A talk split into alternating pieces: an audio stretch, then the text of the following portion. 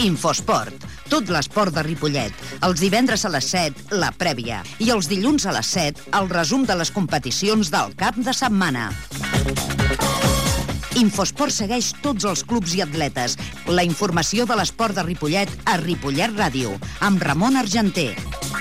Jugues? Molt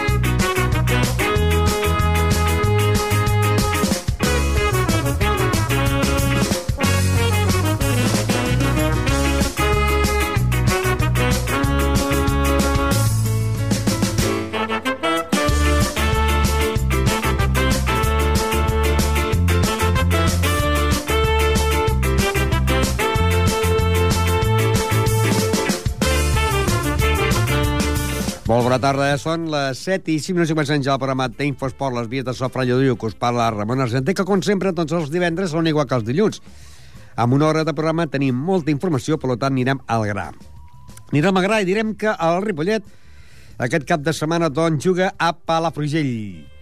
Però un Ripollet que situ està situat al lloc número 4 a la classificació amb 45 punts i un Palafrugell que l'última jornada doncs, eh, va perdre 4-0 al camp de Mollet i va novè. Anem a recordar les paraules del seu president, que diu que l'important és anar sumant punts. Bueno, no, a veure, es tracta d'anar sumant. Nosaltres, a veure, la, la, la nostra fita... Jo volia dir-te que eh, amb, amb aquests 42 punts era la fita que tenia el Ripollet aquest any. Aconseguir com més aviat els 42 punts. Llavors, el Ripollet ho ha aconseguit. Penso que l'equip, eh, el primer objectiu ja el tenim aconseguit, que és assolir la categoria amb tranquil·litat. Eh, tenim dues coses molt importants, assolir la categoria i la renovació de l'entrenador. Però tenim dues coses que són molt importants, que ens donaran la tranquil·litat per treballar el resto de la temporada i sobretot perquè l'any que ve puguem fer l'equip amb més, amb més tranquil·litat i fer un equip, doncs, a veure si l'any que ve pot ser el definitiu pel Ripollet. Si no ho sigués aquest, que està claríssim que no renunciem a que sigui aquest, però hi ha una cosa que també jo veig que la tenim molt clara. En aquests moments, en aquests actuals moments, el Ripollet és el que té totes les garanties per ser el segon, per una cosa molt clara, per la regla de tres que diem, que els equips que vinguin aquí a casa, ha de vindre l'Olot i el Mollet. Si nosaltres guanyem a l'Olot i el Mollet i llavors fem el que fan els altres equips, vull dir, està claríssim que el segon seria el Ripollet i la promoció la jugaria el Ripollet. Però vull dir-te que hem d'anar pas a pas, vull dir, el diumenge ens ve el Canovelles, és un equip difícil, complicat, és un equip que està baix i voldrà sortir, té arguments, eh, el Mollet ahir va, guanyar, va empatar un a un amb molta sort, amb molta sort, però moltíssima sort, i llavors està clar que serà un partit molt complicat. I el que estava esperant del Canovelles, el Canovelles d'aquí Ripollet vindrà com a tercer per la cua, vindrà en zona d'ascens directe, té 20 punts, i suposo que vindrà com sempre, com fan tots, no? intentar guanyar el partit. És que, bueno, jo, eh, tornem a dir el mateix, el Ripollet aquest any, eh, eh, l'any passat i els anys que, que, que ens vindran, sempre direm que ens lamentarem dels punts que hem perdut amb els equips fàcils. I llavors, eh, vull dir, aquest any tenim un exemple molt clar. El Cerdanyola va vindre com a QE, nosaltres només havíem hem queixat eh, 5 gols amb els 9 o 10 partits, i amb el QE vam, vam, vam queixar 5 gols, és a dir, el futbol té aquestes coses i imprevistes, i per sort és el maco que té el futbol, que no hi ha res que es pugui previndre amb temps, perquè si no, no existirien ni les quinieles. Com està el Ripollet? Igual que l'any passat o millor que l'any passat? Jo crec que En aquests millor. moments, eh? Millor, millor, millor, estem millor. Millor, millor, tenim més punts que l'any passat, eh, vull dir, estem en una situació, ja et dic, eh, ara estem en una situació que depenem de nosaltres, exclusivament de nosaltres, per ser segons. Perquè han de vindre els equips que estan amb nosaltres o a davant nostre, han de vindre aquí a casa. Per tant, som nosaltres els que depenem de nosaltres sols. I l'any passat no, l'any passat veníem de que sí que ell perdia d'allò. Però bueno, a veure, que nosaltres estem en el camí, tenim ganes, el que passa que, bueno, eh, som conscients, jo, molta gent, a vegades socis que senten el Ripollet tant o més que jo, hòstia, que hauríem de fitxar... Mm, mira, nosaltres no estem amb la política de fitxar, nosaltres creiem que la, la, la cosa ideal és que l'equip amb la plantilla que té està claríssim que si podem fitxar alguna cosa i l'entrenador la vol, la fitxarem. Però fitxar per fitxar, per poder dir, bueno, eh, volem sortir una, la, la plantilla està fent el que tenia previst, estan donant-ho tot, eh, salvo aquestes petites tonteries d'expulsions que no venen a cuento, eh, que no són del joc, sinó de les tonteries de, de, de protestar que no serveix per res, però la, la plantilla està fent una bona, bona temporada, per tant, ni fitxarem ni d'allò, en el cas que l'entrenador volgués alguna cosa ho faríem, però està claríssim que estem millor, millor que l'any passat i depenem de nosaltres. I sempre quan algú digués, home, que no fitxes, coi, porta els calents i fitxarem, no? Mm, bueno, nosaltres els, els tocs, eh, dir, la, casa, la caixa del Ripollet fa en els dos anys que la vaig agafar jo i té les mateixes tranyines que tenia el primer dia que me la van deixar. és a dir, no hem netejat ni les tranyines per si cas les tranyines ens ungueixen algun caler. Però bueno, que estem treballant moltíssim, tothom està col·laborant moltíssim amb la Junta i bueno, jo, jo de veritat estic contentíssim d'aquests dos anys que portem a la presidència perquè estem fent les coses, penso, amb, amb molt honradès i treballant amb aquestes petites coses, que si pàgines web, que si coses d'informàtica, que és el que ens ha de portar una mica de benefici si ens el porta, i estic content amb el futbol base, que estan comportant, la gent està responent i això és el més important. Futbol, futbol. Doncs a mi se m'ha escapat la riera quan ha dit no, eh, la, va agafar la caixa de catals plena de tranyines i les tranyines no fan calés, al contrari, les tranyines fan doncs, més tranyines, no? Doncs bé, líder l'aigua freda 56 punts, seguit de l'Olot en 46, Mollet i Ripollet 45, Premida del 36, Tona 31, els mateixos que el Farners, amb 30 punts el Tona, el Palafrugell amb 28 punts, els mateixos que el Vic i el Palau, Manresa 26, i llavors el Vilassar del Canté també 26. I em sona l'ascens directe, Serranyola 26, eh, Salinari 23, Canovelles 20, eh, Lloreda 15 i tanca el Sant Feliu en 12 punts. El, aquesta setmana jugarà la jornada número 23 i ja sabeu que la setmana passada doncs, el Ripollet guanyava, guanyava doncs, eh, 1 a 0 en el Canovelles, un equip que venia amb sona d'ascens directe, i que debutava el jugador Bravo, i aquest jugador, doncs, eh, va marcar el gol de la victòria eh, quasi, quasi en el minut 42 de, de la segona part. Eh, quan va acabar el partit, doncs, el vam agafar amb ell, ja estava molt content, i li deien bravo, bravo per, per, per el gol. Bueno, bravo por el gol, no sé, suerte que le ha cogido ahí como he podido. Intento meterlo dentro, pero bueno, ha salido bien. Ha sido un golazo. No lo he visto porque estaba de espalda, o sea que no he visto cómo ha entrado. No, pero cuando has visto que la gente chilaba, dices, ha sido gol, ¿no? Cuando, cuando escucho a la gente, digo, seguro que ha entrado, pero no me lo esperaba tampoco. Hoy debutabas, ¿no? Pues sí, debuto hoy. Y Jordi ha confiado en mí y mira, por lo menos se metió un golito. Debut, tres goles y tres, o sea, un gol y tres puntos. Sí, el primero creo que el último, porque no soy de meter muchos goles, o sea claro, que... juega atrás. ¿Cómo ves al Ripollet?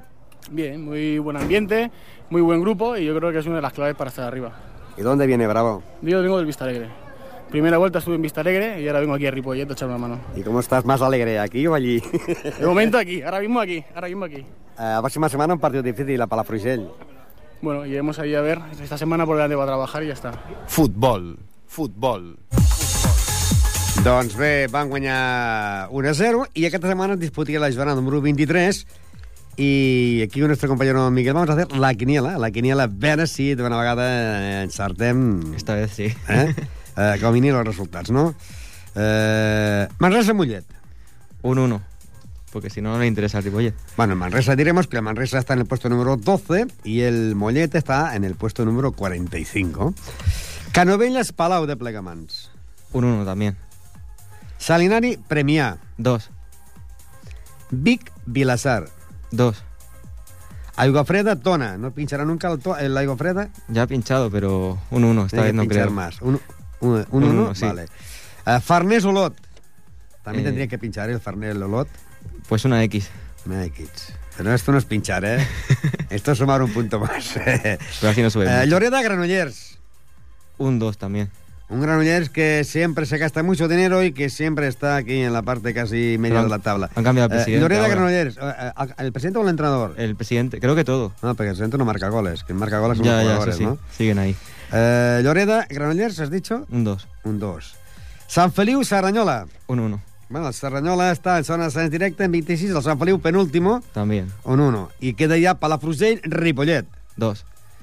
Un 2. El Ripollet és eh, quart a la Lliga amb 45 punts i el Palafrugell ocupa la plaça número 9 amb 28 punts. Un Palafrugell que la setmana passada, doncs, perdia 4-0 amb el Mollet. Por lo tanto, estará cabradísimo, ¿no? Intentará querer recuperar los tres puntos Pero no el podrá, no podrá. Però, però, si el Manresa guanyés el Mollet, cosa que podria ser ben bé, i el Olot per, perdés a Camp del Farners, el Ripollet, garant en Palafrugell, Se pondría segundo. se pondria ja segundo, i això ja encara estaria més contents i faríem cas al que deia Cisco Inglaton, doncs, d'anar-se'n un punt. Doncs ja veieu, la quiniela que han fet aquí, Manresa Mollet 1, Canovelles Palau 1, Salinari Premià 1 2, eh, Vic eh, Vilassar 1 2, Aigofreda Tona 1, Farners eh, eh, Olot 1X, eh, Lloreda eh, Granollers 1 2, Sant Feliu Serranyola 1 i Palafrugell Ripollet 1 2. Un poco arriesgada.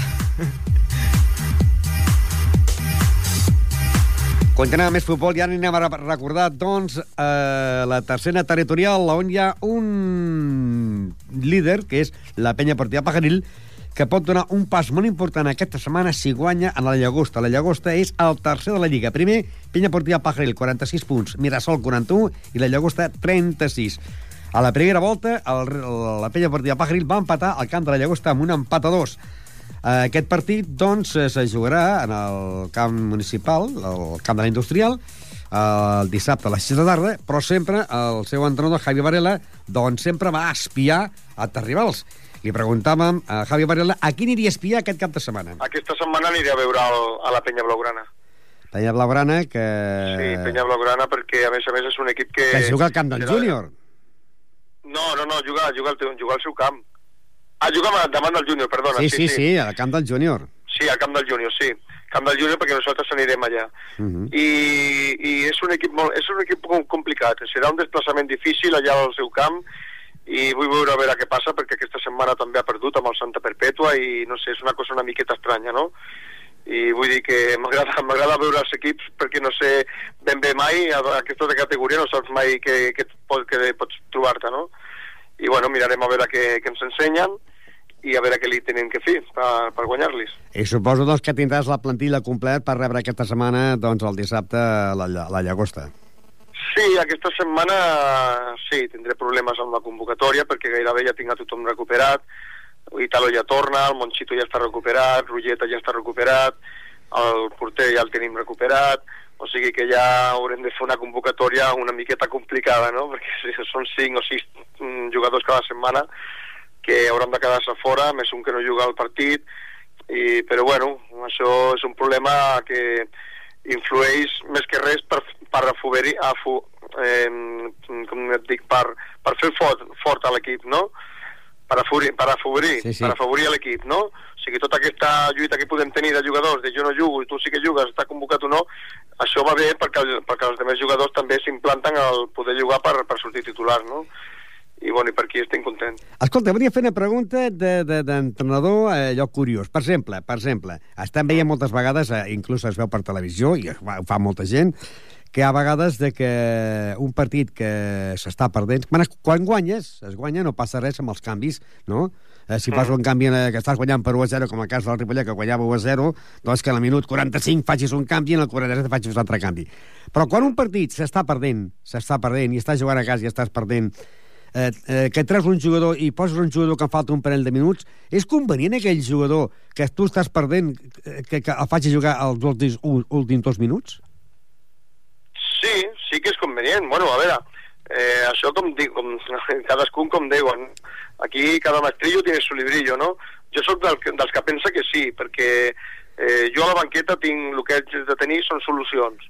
No, no haig de tenir problemes, no? Aleshores, si jo tinc un jugador que confio en ell, sé el que és capaç de fer i, i encara que li dono 3 minuts sé que és capaç de fer-me un gol o com a mínim fer una jugada d'atac perillosa no? per acabar en gol jo sí que agarro aquest jugador i el poso a jugar i de fet aquesta temporada en, en, més d'un partit m'ha passat que ho he hagut de fer i m'ha sortit bé Mm, pot sortir malament és clar, és que sí, no? però normalment si aquest jugador que tu tens, confies en ell i saps de sobre que és capaç de fer-ho, escolta'm, el que està en el camp no t'ho estan fent. Mm, per tant, busca una altra alternativa que a veure si trobes aquesta sort de que, de que t'apanyi el partit. Sí, perquè a Sí, vegades home, és, és més sort, no? Perquè, clar, hi ha vegades que dius, segons com, és que no, eh, segons com estigui aquell equip que està, que està guanyant, que tu estàs perdent, Mm. a millor no tocarà ni pilota. Sí, això és, que, és el que diem, no? És també una miqueta allò d'intuïció, no? És una miqueta d'intuïció acompanyada d'una miqueta de sort, no? Perquè el partit del júnior, per exemple, qui, va, qui diria que fica al camp el Roger i el David quan mancaven 5 minuts i guaita tu que els dos fan els dos gols, el Roger i el David. Eh, sí, o sigui, sí. i guanyes el partit. Bueno, és intuïció i a més a més una miqueta de sort, no?, de que també surten enxufats, és un partit que saben que no poden perdre, aquí influye, influixeix molt també la, la mentalitat que té l'equip, no?, de guanyar, que surti qui surti, encara que sigui un minut, volen guanyar i volen fer gol i volen que els tres punts no s'escapin, eh, i, i, bueno, l'altre entrenador millor no ho fa, diu, no, no, amb el que tinc ho han de fer, bueno, possiblement que sí, i si et surt malament et criticaran i si et surt bé doncs diran mira que bé ho ha fet no? però, però bueno, això funciona així Futbol. Futbol. Doncs bé, això funciona així, i aquesta setmana jugaran doncs, la penya portiva Pajaril contra el Llagosta. A la primera volta, eh, la penya va guanyar, bueno, va empatar el camp de la Llagosta amb un empat a dos, amb gols de Panyos i d'Ismail. I també se jugarà el partit entre el Mirasol i la de Fut. En aquest cas, eh, serà el partit ja de la segona volta. A la primera volta, la de Fut va guanyar 5 a 1 en el Mirasol, amb tres gols de Prianyes, un de José Luis i un de Rubén. I també doncs, li preguntàvem al seu entrenador Xesco, hem de dir que la de Fut està situat allò número 5 amb 32 punts i el Mirasol és segon amb 41. Perdó. Deia que el, el Xesco, entrenador de la de Fut, diu que, bueno, que segons es va veure el partit d'aquí, Sí, supongo que sí. a ver, yo, según se dio el partido aquí, supongo que lo que vigilarán mucho serán nuestras contras. De vigilar de que cuando nos robemos el balón no salgamos rápido a las contras, que fue lo que les pasó aquí, que, que ahí fue donde los matemos. Aparte tuvimos mucha efectividad arriba y por eso mm, se dio el resultado que se dio. ¿no? en ese partido marcó José Luis, marcó Rubén y tres goles de Priáñez. Sí, sí. Era cuando estaba en buena racha Peri. Ahora lleva un tiempo que no está, no tiene tan buena racha. A ver si vuelve otra vez por la senda del gol esta semana. O sea que esta semana un partido muy importantísimo en el campo del Mirasol, un Mirasol que eh, ya sabes que ganó 7-1 a- al Sí. Estila y Va que segundo, me parece. es que segundo con 41 puntos. Primero La Peña 46, Mirasol 41, La Llagosta 36, Junior 33 y, y aquí vosotros que si daréis el, eh, este partido lo ganarais pues ya os colocaríais aquí eh, a, a- a- a intentar escalar la segunda plaza. Sí, nos, nos motivaría mucho para intentar luchar por esa segunda plaza, porque luego Mirasol también tiene que venir ahí a jugar contra Pajaril y luego tiene que ir también al campo del Junior, tiene salidas fastidiadas también el, el Mirasol y nosotros luego con Junior y Llagosta todavía también nos tenemos que enfrentar, o sea, nos metería otra vez de lleno en la lucha por el segundo puesto. sí. Y yo, y yo creo que la moral de los jugadores tiene que estar alta porque estáis haciendo un buen campeonato, estáis arriba y a más a más eh, iréis al campo de Mirasol diciendo eh, que hemos ganado a ese equipo 5 a 1. O sea que ojo, ¿eh? Sí, sí, a ver, no, el equipo está bien, están entrenando bien. Eh, hay partidos que jugamos mejor, partidos que jugamos peor, pero la actitud es toda muy buena. Y supongo que sí, bueno, el Mirasol al principio, este año en la primera vuelta no nos conocían, ¿vale? Como le, le pudo pasar a más de un equipo. Ahora ya nos conocen, ya nos respetan, ¿no? Y ya también conocen a varios jugadores de los nuestros, de los que les pueden hacer daño. Y supongo que será un partido bastante más cerrado, ¿no? Que, que en la primera vuelta. Porque ¿dónde jugáis mejor, fuera o, o en casa? Yo creo que no es una cuestión de fuera o casa. Mm, a ver, en casa estamos teniendo buenos resultados, pero fuera tampoco se nos está dando mal. Es más en función del rival. Mm, sinceramente, si quieres que sea sincero, no. Nosotros contra los de arriba jugamos mejor que contra los de abajo. Porque yo tengo gente muy rápida arriba, entonces mm, nosotros somos más un equipo de contragolpe. Si estamos bien en defensa, bien colocados, bien organizados, que no nos crean muchas ocasiones y robamos rápido, cuando salimos, salimos y hacemos pupa. Entonces, normalmente cuando jugamos con los equipos de arriba suelen tener más posesión que nosotros de balón, pero bueno, es una posición hasta cierto punto ficticia, ¿no? Porque si ellos tienen el balón en, cerca de su portería o en el centro en campo y no te crean ocasiones y tú robas y cada vez que robas creas una ocasión de gol o, o, metes un gol, pues entonces les hacen mucho daño. Entonces nosotros por esa cosa, por esa forma de jugar se nos dan mejor los equipos de arriba. Y ese partido sería por la mañana, ¿no? El eh... No, es el sábado por la tarde. Sábado por la tarde, sí, a las 19.45 según horario del Mirasol. ¿Es buena hora esta para vosotros o no? 19.45, yo Yo tengo aquí marcado 19.45, igual... pues creo que está mal esa hora, Sí, ¿eh? vale, vale. Pero jugáis sábado por la tarde, Sábado por la tarde seguro. que sería la, pues quizás las 16.40, igual es parece que es a de... las cuatro y media o cinco. Futbol, futbol, futbol, futbol. A les 5 de la tarda, doncs, eh, el Mirasol contra a la de Fut. I anem, eh, seguim amb més eh, futbol, tercera territorial, perquè en el mateix grup hi han tres equips de casa. L'altre equip és l'equip de el Esdila. L'Esdila, que per cert, aquesta setmana ha jugat el partit que tenia plaçat al camp de la Fundació i ha perdut per 5 a 1. L'únic gol de l'Esdila l'ha marcat el jugador Molina. I aquesta setmana, doncs, juguen al camp del Diagonal. A la primera volta, l'Esdila, doncs va perdre casa davant del Diagonal 0-2 i aquesta setmana doncs jugarien al camp del Diagonal. S'enfrontarien a la penya portiva Pajaril i la Llagosta el dissabte a les 6 de la tarda, el diumenge a les 12 Diagonal Esdila i el dissabte a les 5 Mirasol a Defut. Anem a recordar les paraules que també manteníem amb el seu eh, vicepresident eh, del segon entrenador delegat, eh, el Capac el Gasto, podríem dir, i que jo li preguntava amb ell, perquè doncs, ell van als últims de la classificació, van penúltims, amb, o sigui, últims, amb 5 punts, que si veia la penya campió. Mm, yo diría que sí, ¿eh? llevan buen ritmo, Javi coge y sabe, es una persona muy de fútbol y sabe, y, y pese a todo lo que él diga de que, que no, que no, que no, pues yo diría que sí. ¿Y ves a la de Fut segundo? Mm, bueno, aún ahí ves, mm, no digo que no, pero hay un par de equipillos más por ahí que, que les darán... ¿Y la Sol la Llagosta Junior? Sí, Bueno, pero si esta semana vosotros os cargáis la Mirasol, ¿eh? hacéis un favor a los dos. sí, exacto. Luego también aún tenemos otro partido atrasado que jugaremos este miércoles contra mm, los veteranos de la Fundación. Al partido Plaza sí. También lo jugamos este miércoles, entonces pues a ver, no sé qué haremos por aquí. O sea, para ese partido de... de- eh, Este miércoles será la fundación y luego el, do- el domingo sería en el campo del Mirasol, ¿no? Es en casa, jugaremos el sábado. Ya, ya, me, me refiero que, que los partidos que tenéis será ese partido atrasado contra la fundación y luego el sábado aquí en casa, es verdad, con, con el... Con el Mirasol, Ahora yo creía que jugabais fuera, no, no. No, no, jugamos en casa. Por lo tanto, eh, Este- el miércoles sí jugamos fuera, pero el, Sí, sí, sí, sí. el sábado jugamos en casa. eh, ¿y solamente os quedaría ese partido aplazado? Ni uno más, ¿no? Sí, ya está, de momento ya estaríamos ya al día otra vez. Vale. Tuviste unos pequeños problemas que se han resuelto y ahora pues a continuar la liga e intentar sumar puntos para ma- por lo menos no quedar últimos. Ahí está.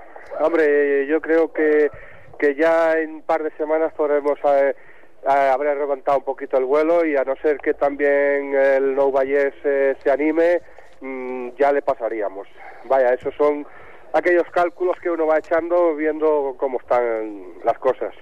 Porque la semana siguiente, el fin de semana que viene, nos tocaría jugar contra el Diagonal, que tampoco, que también es un equipo por aquí de la parte baja.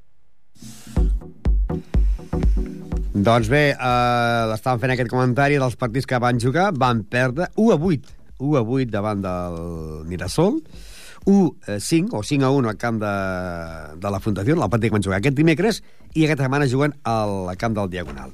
Líder, Penya Portiva Pajaril, 46 punts, Mirasol, 41, la Llagosta, 36, Júnior, 33, Adefut és cinquè amb 32, el mateix que el Diagonal. Barcino, 31, Penya Blaugrana Sant Cugat, 30, La Farga, 25, i es quedaran 25 perquè setmana té jornada de descans. Santa Perpètua, 23, Roureda, 20, la Fundació, 19, sumen 3 punts més perquè va guanyar en l'Esdila, Sant Cugat, 13, Nou Vallès, 9, i tanquen el lloc número 15 amb 5 punts a l'equip de l'Esdila i l'últim és el Mollet, que l'equip que es va retirar. Futbol sala. Futbol sala. I seguim amb més futbol sala. En aquest cas, ara, doncs, l'equip del futbol sala de Ripollet, que la setmana passada doncs, perdia en el- la pista del Bar Micasa per 4-2 en gols de Juanel i de Juanito, i que aquesta setmana juguen al camp del líder de la competició, el Corbera. I li preguntàvem, doncs, en el seu entrenador, Antonio Extremena, que, clar, durant moltes jornades el Barça eh, havia fluixat, no? Però ell deia que ja veia el, el Corbera campió. Yo apostaba por el Corbera. Bueno, sigo apostando. Aunque tiene dos jugadores clave de la plantilla lesionados, pero está Corbera, Vilazar, Barça y los Hospitalet que en la última jornada ha recuperado pistonaje. ¿eh? Yo apuesto ahí, ¿eh? Ahora os mantenéis en el puesto número 6 con 30 puntos. Por detrás tenéis Mataró con 29, La Unión 26, Brisas y Escola Pía 25 y Canet de Mar 24. Estáis en una zona tranquila, pero, pero ojo, ¿no? Ojo, no, no. El- el- la Unión tiene 27 y el Canet 25, porque han jugado entre semanas han empatado. Ah. Sí, pero que el Gabá juega esta semana con el Canet, pues con la Unión, es que está todo muy igualado. Y es más, ahora nosotros empezamos, como dijimos la semana pasada en el vestuario, el Tumbalet. Vamos a campo el Corbera líder, nos viene el Barcelona, que es el segundo, descansamos contra el Inca, que ha retirado, no sumamos, los demás pueden sumar, vamos al campo del, del Vilazar, tercero, que es como si fuese primero, está a dos puntos de Covela, y nos, y nos viene el Hospitalet. Cinco jornadas, 15 puntos, que, que, que podemos no sumar, como sí, pero si no sumamos, y los demás suman de los 15-9, nos metemos ahí abajo, ¿eh?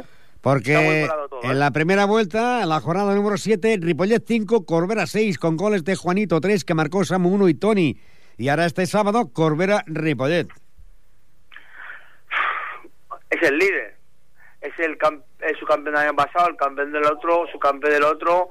Eh, de plata estuvo, mm, ¿qué vamos a decir? Corbera, con jugadores de, como Guille Fernández, que ha finalizado este año del Marfil, de División de Honor, o Francis del Pozo de Murcia. ¿Qué vamos a decir? Con jugadores experimentados de la categoría de División de Plata. Un rival muy difícil, muy difícil. ¿Recuperas a jugadores para esta semana? Sí, recupero a Sergio Lozano, pero creo que perderá Rubén. Creo que es mm, roja directa cuando se hubiera jugado contrario con el 3-2 a portería, pues tuvo hace falta. Y le dio por detrás y era roja directa. Y creo que Rubén lo perderemos un partido por lo menos, pero recupera Lozano y, y Sergio. Pues son dos jugadores y esta semana recupera a Frank. Y a ver, a ver. Un, un partido que tiene que ser importante porque, claro, lógicamente aquí fue muy disputado, 5 a 6, y en Corbera, pues... eh, Bueno, es más, hay que recordar a la afición que eh, faltaba 1.20 y ganamos 5-4. Sí. la falta de experiencia con un equipo tan tan veterano y saber estar en la pista pues pues no ganó el partido y esta semana pues hay que ir súper motivado como como ha ido el Ibiza contra el Vilasa que le ha empatado a dos como el hospital, como el Barça pues ha perdido el campo de las Colaspías es motivación porque todos los equipos de abajo están motivados nosotros tenemos que motivar lo que es triste es que siempre está- nos motivamos con los de arriba y hay cuatro jornadas que que yo digo Corbera y Barça va a ser para nosotros jornada que hay que sumar aunque sea un punto con ellos eh no, Eh. porque si no entras en una dinámica mala, ¿eh? En la primera vuelta, el Corbera iba tercero con 18 puntos y ahora es el líder con 49. La moral a tope. No, no, la moral a tope. Y, y, si, y si consigues un buen resultado, ganas, empatas o, perder, que se puede dar dentro de lo que cabe por la mínima, das una buena sensación, pues para el día del Barça, que el campo va a estar lleno, pues mm, ya es otra motivación.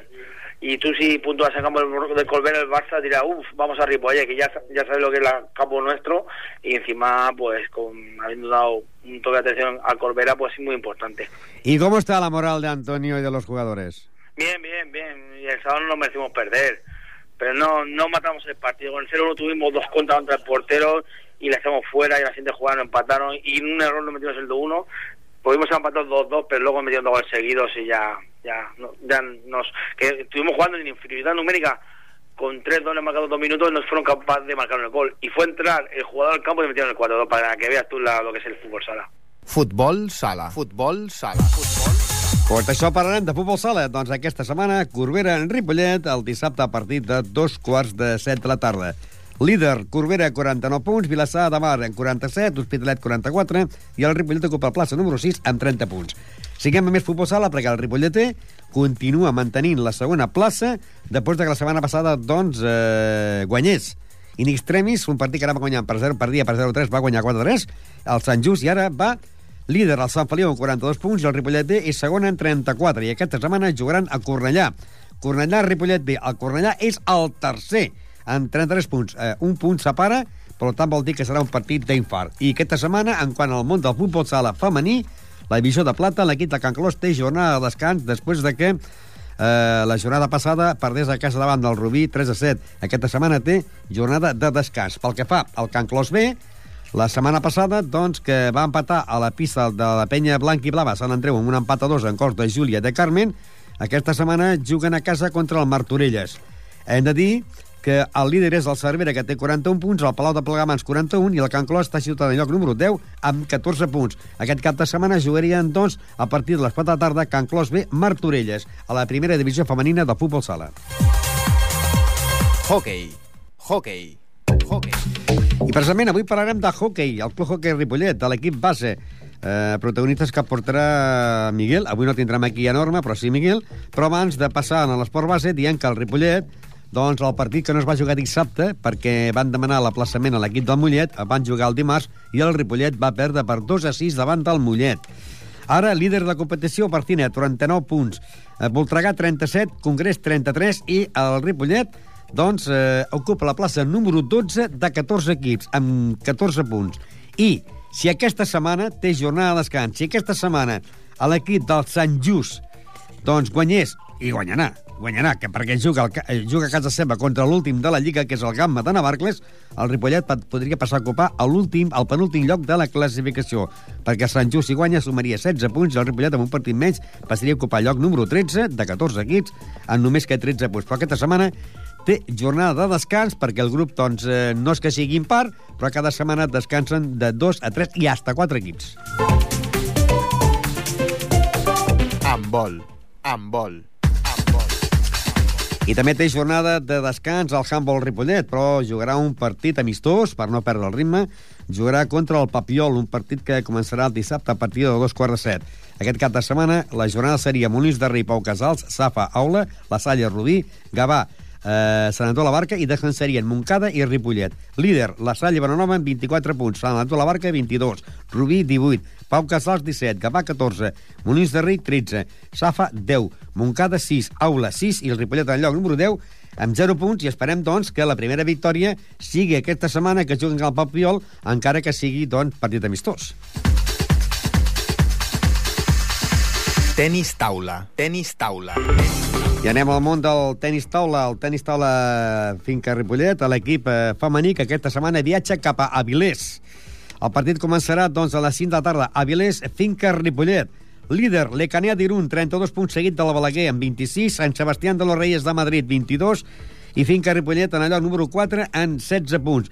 L'equip de l'Avilés ocupa la plaça número 7 amb 12 punts. Per altra banda, les noies de la primera divisió nacional jugaran dos partits aquest cap de setmana. El dissabte a les 5 de la tarda, Finca Ripollet Santa Eulària Divisa. Amb ella, l'entrenador i tres jugadores d'aquí, d'aquí Ripollet. I el diumenge a les 11 aniran cap a Calella per jugar el partit contra el Calella. Líder, Santa Eulària Divisa, 22 punts, Falcón 16, Caçà de Selva 16, Finca Ripollet és quart amb 12 punts, Mataró 12, Fotoprix 28, Ateneu 6 i tanca el Calella amb 0 punts. Una victòria del Finca Ripollet mantindria aquesta quarta posició. Els dos equips femenins mantenen la quarta posició, mentre que l'equip de Lliga Nacional, el Ripollet Verdolai, que aquesta té jornada de descans, ja és campió de Lliga. Ja és campió de Lliga, eh, falten tres jornades i encara que els perdés tots els partits, ja és campió de Lliga del grup número 4. La setmana que ve tindrem una àmplia entrevista amb Miquel Arnau, que ja la tenim a punt. No la posarem avui, sinó que la posarem eh, dilluns que ve que parla de la possible renúncia inclús de fer la fase d'ascens.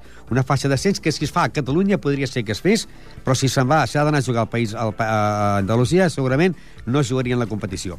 El Ripollet Verdolai, campió en 34 punts, seguit del Mataró amb 26, una bona diferència en el segon classificat, Esparreguera 24, els Amics de Terrassa 18, Vilanova 14, Falcons 12, Los Llanos de Canàries 12, Hospitalet 12, Círculo l'Amistat de Tenerife 8 i tanca el defensa de l'Eix La Palma amb 0 punts. Bàsquet. Bàsquet. Bàsquet. I anem al món del bàsquet. La setmana passada el Club Bàsquet Ripollet va perdre en la pista del Blanes, 77 a 70. Ara eh, ocupa la plaça número 11 de la competició amb 30 punts. El líder és el grup Osorio de Badalona, que té 37 punts. Ara estaria en zona de promoció per la permanència. Aquest cap de setmana jugaria contra el Sant Josep de Badalona. Ripollet Sant Josep de Badalona el diumenge a partir d'un quart de vuit de la tarda al pavelló eh, Francesc Berneda. El Sant Josep de Badalona la setmana passada guanyava en la pista de Sant Andreu de Nazaret, també de Badalona, per 66 a, 66 a 77. Com deien, doncs, eh, el grup Osorio de Badalona és líder en 37, Barberà 36 i Figueres i Girona eh, amb 35. I el ocupa la plaça número 11 amb 30 punts. Ho té bastant malament el Ripollet D de la Copa Catalunya tercera categoria. després de que la setmana passada perdés de dos punts a la pista del Sant Pedor. Sant Pedor 57, Ripollet B 55. Líder, el badalonès Montigalà i el Berga és segon en 37 i 38 punts. I el Ripollet ocupa la plaça número 13 de 16 equips i en aquests moments faria la zona de la, faria la promoció per la permanència. Ocupa la plaça número 13 amb 28 punts. I ja hem de dir que aquest cap de setmana el Ripollet B jugaria contra el Castellà. El Castellà aquesta setmana va guanyant a la pista del Parès per 61 a 69 i el Castellà del Vallès doncs visitarà aquí Ripollet i hem de dir que s'enfrontaran el tercer classificat contra el 14 amb una separació de 3 punts. El Ripollet B té 28 i el Castellà té 25. Per què fa, fa el bàsquet la tercera territorial?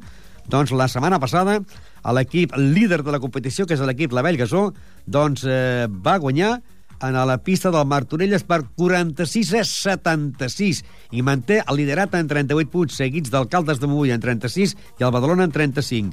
La Gasó és líder de la competició i l'altre equip de Ripollet, el Gasó Caixa Girona, va tenir jornada de descans la setmana passada, per tant, doncs ha perdut un lloc la classificació, ocupa la plaça número 7 amb 27 punts.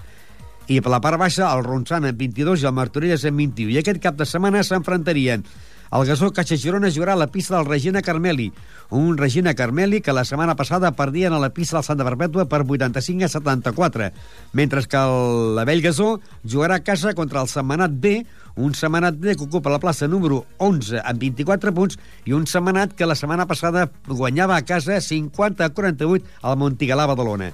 Acabem el bàsquet femení dient que el bàsquet femení Ripollet, doncs, la setmana passada perdien a la pista del Llavaneres, que és el líder de la competició, perdia per 66 a 48, el Ripollet femení de bàsquet ocupa la plaça número 11 amb 20 punts i aquesta setmana jugaria a la pista del Lliçà d'Amunt. Eh, serà diumenge a partir de les 6 de la tarda. Lliçà d'Amunt, bàsquet femení Ripollet. El Lliçà d'Amunt la setmana passada perdia la pista del Llinars per 59 a 31 i el Llinars s'enfrontaran doncs, els dos últims de la Lliga, el bàsquet femení Ripollet amb 20 punts i 16 partits, i el Lliçà d'Amunt en 19 punts i 17 partits jugats.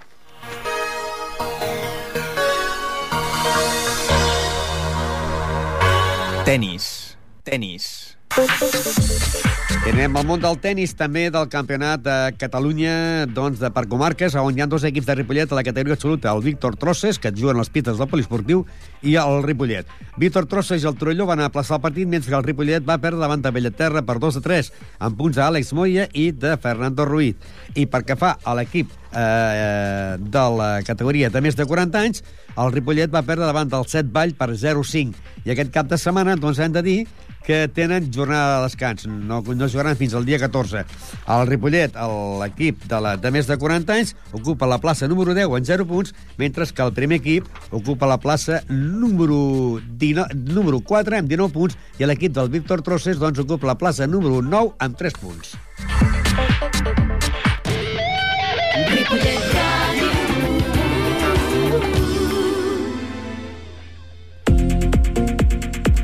I continuem més espai. En aquest cas, Jones, tenim ja Miguel Molina. Buenas tardes. Buenas tardes.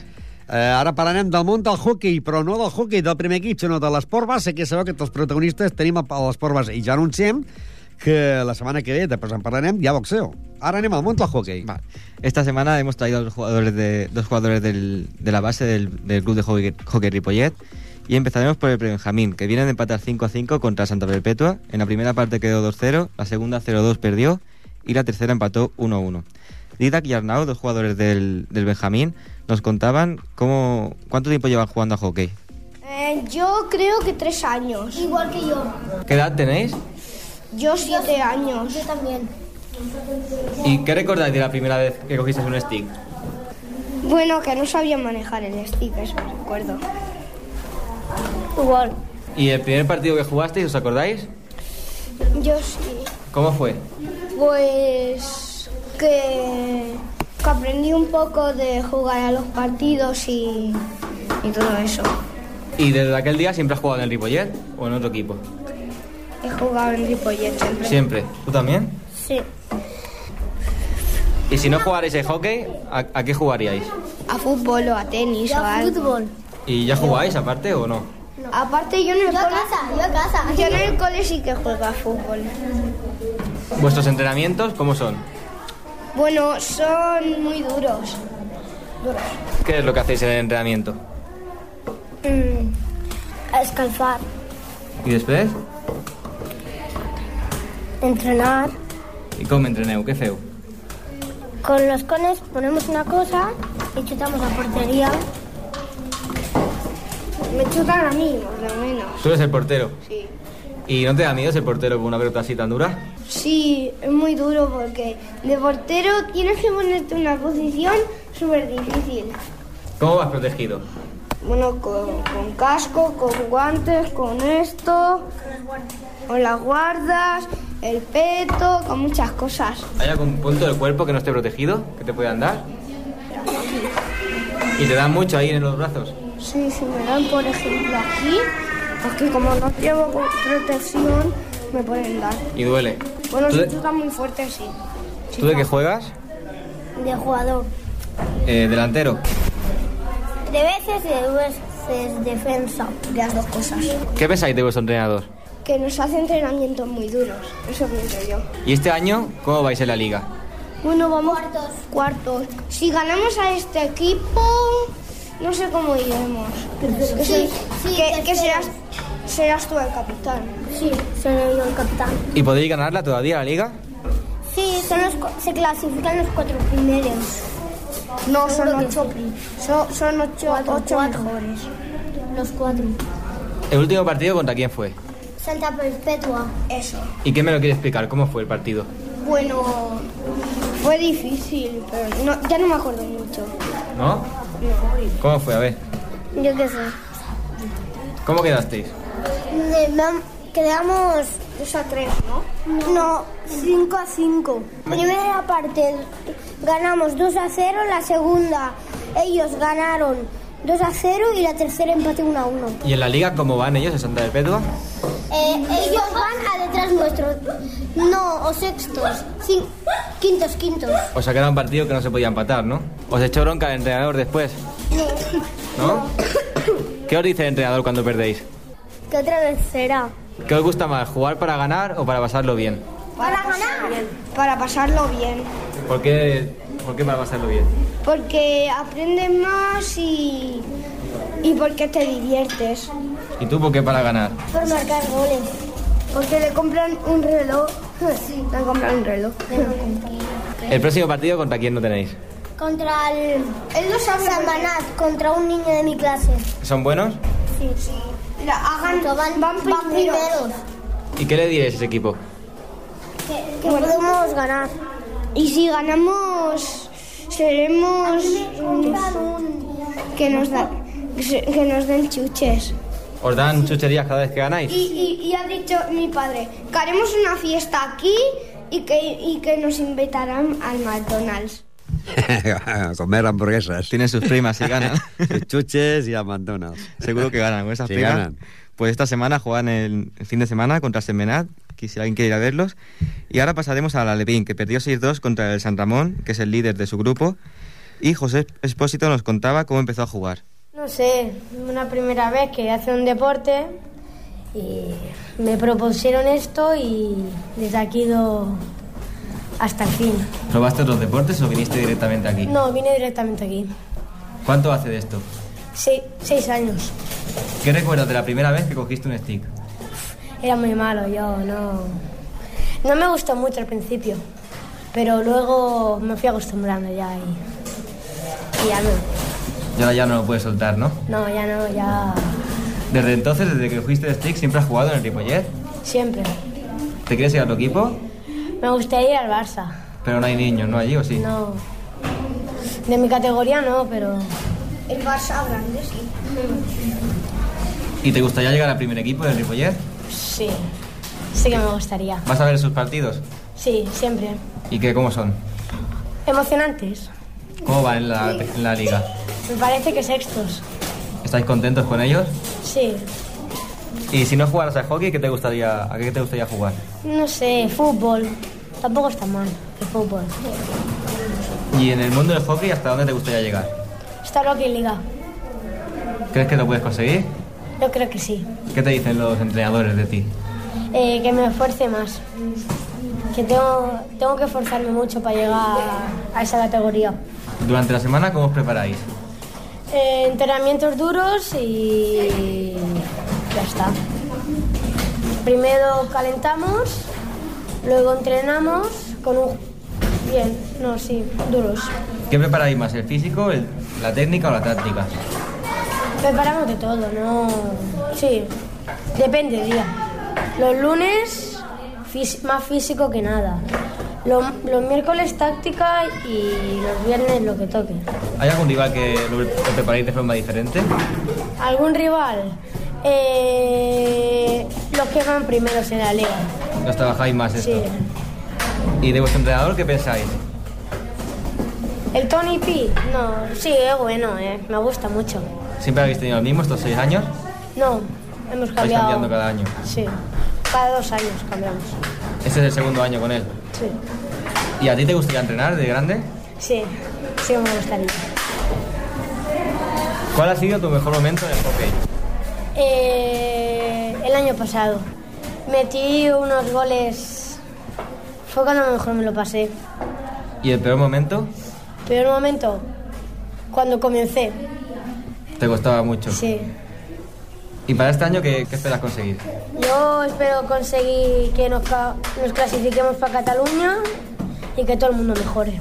¿Vais por el camino de clasificaros? Sí, ¿Cómo vais en la liga? vamos cuartos. ¿A cuántos puntos del primero? Eh, nosotros llevamos siete, el primero lleva 14. ¿Cómo te definirías a ti como jugador? Yo, eh, no sé. Mm, Chuto muy bien, eh, corro bastante, soy muy malo en defensa, bueno, un poco malo, eh, soy muy bueno delantero y ya está. ¿Y cuál es tu ídolo en el hockey? ¿Tu ídolo quién es? Sergio Miras, que además es mi entrenador también. ¿El último partido contra quién jugasteis? contra el San Ramón. ¿Cómo fue? Jugamos, jugamos bien, lo que eran muy superiores a nosotros. Están por encima vuestro en la liga. Sí, van primeros. ¿Y los estudios cómo los llevas? Yo bien, ¿Los compaginas bien con los entrenamientos? sí, sí. ¿Qué quieres ser de mayor? Yo me gustaría ser entrenador de hockey, jugador y profesor de educación física. ¿Y si traéis malas notas, el entrenador os castiga de alguna manera? Sí, sí que nos castiga. ¿Sí? ¿Qué os hace? No sé, vueltas. Nos. no sé. Hacemos vueltas más. Más de lo que hacemos normalmente. ¿Y el próximo rival contra quién es? El próximo. Mm, contra la Noya. ¿Cómo van en la liga ellos? Ellos van quintos, me parece. O sea, van como vosotros, casi. Casi. ¿Qué les dirías a ellos? Que les vamos a ganar cueste lo que cueste. Contra el Sant Celoni de Noia, home, allà pots, pots anar a jugar al matí, anar a una de ca- una d'aquelles caves, a fer un bon esmorzar i un bon, un bon trago de cava. Ahí seguro que hacen, hacen Seguro, familia seguro, todos. seguro. Y ya para acabar, me gustaría comentar un torneo que jugaron en Palau- Laurana en enero. Porque, eh, perdona, eh, los, estos estaban en horas de entrenamiento, ¿no? Estas Sí, sí, sí. Eh, los prebenjamines estaban saliendo y los alevines entrando. Les pillé a medias. Pues como te comentaba, en enero jugaron un torneo en Laura- Laurana contra equipos de Cataluña y España. Y tanto el alevín del Ripollet como el Benjamín llegaron a la final, pero con distinta suerte. Porque el Benjamín perdió dando la cara contra la Igualada, mientras que el alevín ganó contra la Reins de Moon. Y luego recibieron los trofeos de, mano del presidente de la Federación Española de Patinaje y del seleccionador nacional también. Y luego, después de este torneo, se disputó un partido de las estrellas que se dice, y el gran que triunfó fue Sergio Miras, el entrenador que comentaba, que comentaba José. Se llevó todos los aplausos del público. Bueno, i eh, hem de dir que jo l'altre dia vaig fer fotografies precisament d'aquest nano, és un nen petitet que fa molta gràcia, doncs, que és, és més alt els patins, que, o sigui, els patins, el- l'estic és més gran que ells, Sí, i sí. els posen drets, és més alt les, les, els estics, no? I ja fa bien. molt, és un esport que, lògicament, jo crec que és més difícil que altres esports, perquè altres, aquí has de fer dues coses, jugar al quick, però saber que patinar. Claro, claro. I el problema que jo veia, jo veig que ara eh, patinen bastant bé. El problema que abans hi havia a Ripollet, que queia molt per terra. I vol dir que, lògicament, jo crec que han de ser bons patinadors i llavors potser jugadors, ¿no? Perquè, esclar, Ya nos comentaba el presidente el año pasado cuando nos entrevistamos que allí todo el mundo salía sabiendo patinar. Aunque no supiera jugar, pero patinar aprendían jo crec que és lo important quan es comença a saber que a menys ser encara que, te, que et fumi una espenta que no caiguis, no? I això que en el hockey és clau, és clau, eh? perquè eh, quan veus jugar els grans ja cada garrotada que déu nhi aquell, aquell stick va d'un Sí, cantó sí. a l'altre, no? Y luego los golpes que reciben, porque al ser niños no controlan el stick tampoco y se golpean entre ellos y... Ah, sí, increïble. sí, sí. Pues ya está, mi, mi sección ya está. Pues eh, el hockey, cada setmana ja sabeu que portem doncs, eh, una activitat esportiva, en aquest cas esport base. Parlant de l'esport base, hem de dir també que els atletes de Ripollet Unió Atlètica doncs, aquest cap de setmana van estar a Vilafranca del Penedès, a la capital de Catalunya de pista coberta, i a la categoria infantil, doncs, la Clàudia Martínez, en els 1.000 metres llisos, va fer un temps de 3 minuts 23.73 i que va quedar segona, i l'altre eh, atleta del Ripollet Unió Atlètica del Ruga, en el lloc número 11 va quedar Celia Celma, però a la categoria podríem dir, bueno, eh, infantil, però de 2.000 metres llisos. Això perquè fa el Ripollet Unió Atlètic. I també hem de dir, també hem de dir que eh, aquest cap de setmana comença, estem ja al mes de març, i al mes de març ja comença la primera sortida del Club Ciclista Ripollet, que tenen programades doncs, un total de, al mes de març, quatre sortides, amb un recorregut d'uns eh, 515 quilòmetres. Al mes d'abril eh, tenen programades set sortides, eh, amb un recorregut de 386 quilòmetres. Al mes de maig, 5 sortides, amb un total de 572 quilòmetres. Al mes de juny, 4 sortides, amb 453 quilòmetres. Al mes de juliol, 4 sortides més, en 386 quilòmetres. Al mes de setembre, 4 sortides, amb 450 quilòmetres. I al mes d'octubre, doncs, eh, 5 sortides, en 524 quilòmetres. Hem de dir que és de la categoria eh, cicloturisme, van per carretera, no van a fer carreres, sinó que surten, per exemple, per la carretera, hi ha gent jove i gent veterana, i que el recorregut de la primera sortida serà el diumenge a partir de les 8 hores del matí. Faran un recorregut de 121 quilòmetres, aniran cap a Hostalric, sortiran de Ripollet, Granollers, parada Granollers, Cardedeu, Sant Celoni, la Valldòria, parada la Valldòria, Breda, Coll de Noris, eh, Cruïlla, Marbúcies, aniran cap a Hostalric, llavors d'Hostalric torna eh, allà a esmorzar, un bon esmorzar a Hostalric, llavors tornen cap a d'Hostalric cap a Ripollet per Sant Celoni, la Roca, parada la Roca, eh, Montornès, Montcada, parada Montcada i final a Ripollet. Serà la primera sortida corresponent doncs, al mes de març del Club Ciclista Ripollet. Hem de dir, doncs, de que del mes de març fins a arribar al mes d'octubre faran un total de 29 sortides, eh? i hem de dir que faran un total de 3.290 quilòmetres aproximats i que el local social de Club Ciclista Ripollet doncs, està obert tots els divendres de 9 a 10 de la nit i que, a més a més, es podeu posar eh, en contacte amb el seu president, eh, Toni, eh? i també eh, amb l'Alpi doncs són la, la gent de contacte del Club Ciclista Ripollet. Les car la carreres que es diu de sortides de carretera cicloturisme, o sigui, no van a fer carreres, no és eh, carreres, no?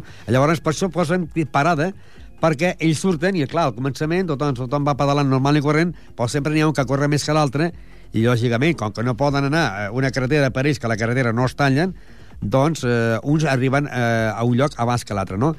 Per no dir que s'arriba eh, a Hostalric, doncs ja, a Granollers hi ha una parada i esperen a tots els, els seus companys. Llavors, esteu tots aquí, vinga, si no ha passat res, es va tirant així, no? I estan, fan tant així com el, el anar com el tornar. Serà la primera i la segona serà ja el dia 14 de març, que faran Ripollet cap a eh, Sant Cebrià de, Bala, de Balalta.